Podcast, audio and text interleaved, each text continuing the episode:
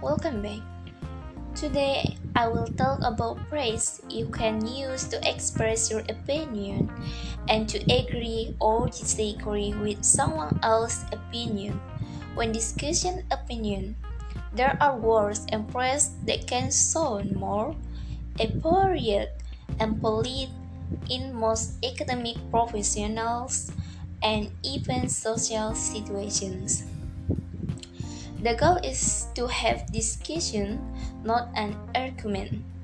It's important to choose your word carefully so that everyone feels welcome to share their opinion and participate in the conversations. Let's start with expressing your opinion. Here are several phrases that signal to the listener the speaker is about to give an opinion in my opinion, my point of view on this is, in my experience, personally, I think, or I strongly believe, or I really feel. Here's an example of strong opinion. I strongly believe that government should not control the media. In my experience, when governments control the media, people cannot make informed choice.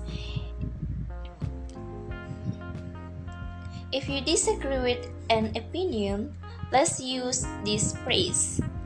I'm sorry to disagree with you, but I'm afraid I must disagree. Yes, but don't you think? Phrase signal disagreement, but notice they are still appropriate and polite. In academic setting like college or university, you generally don't hear people say things like you're wrong or that's just not true.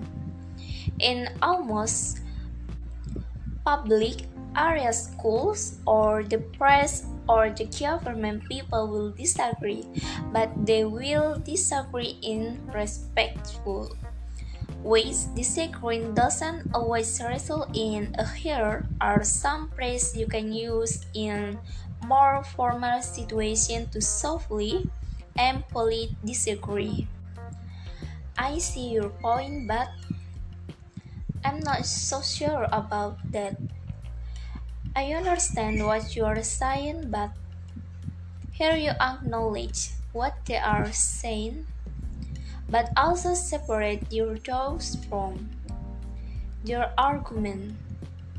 For example, I understand what you're saying, but the government must war this the press. The press needs to report on even with the governments. Alright, that's all for today about praise for agreeing and disagreeing. See you in next podcast.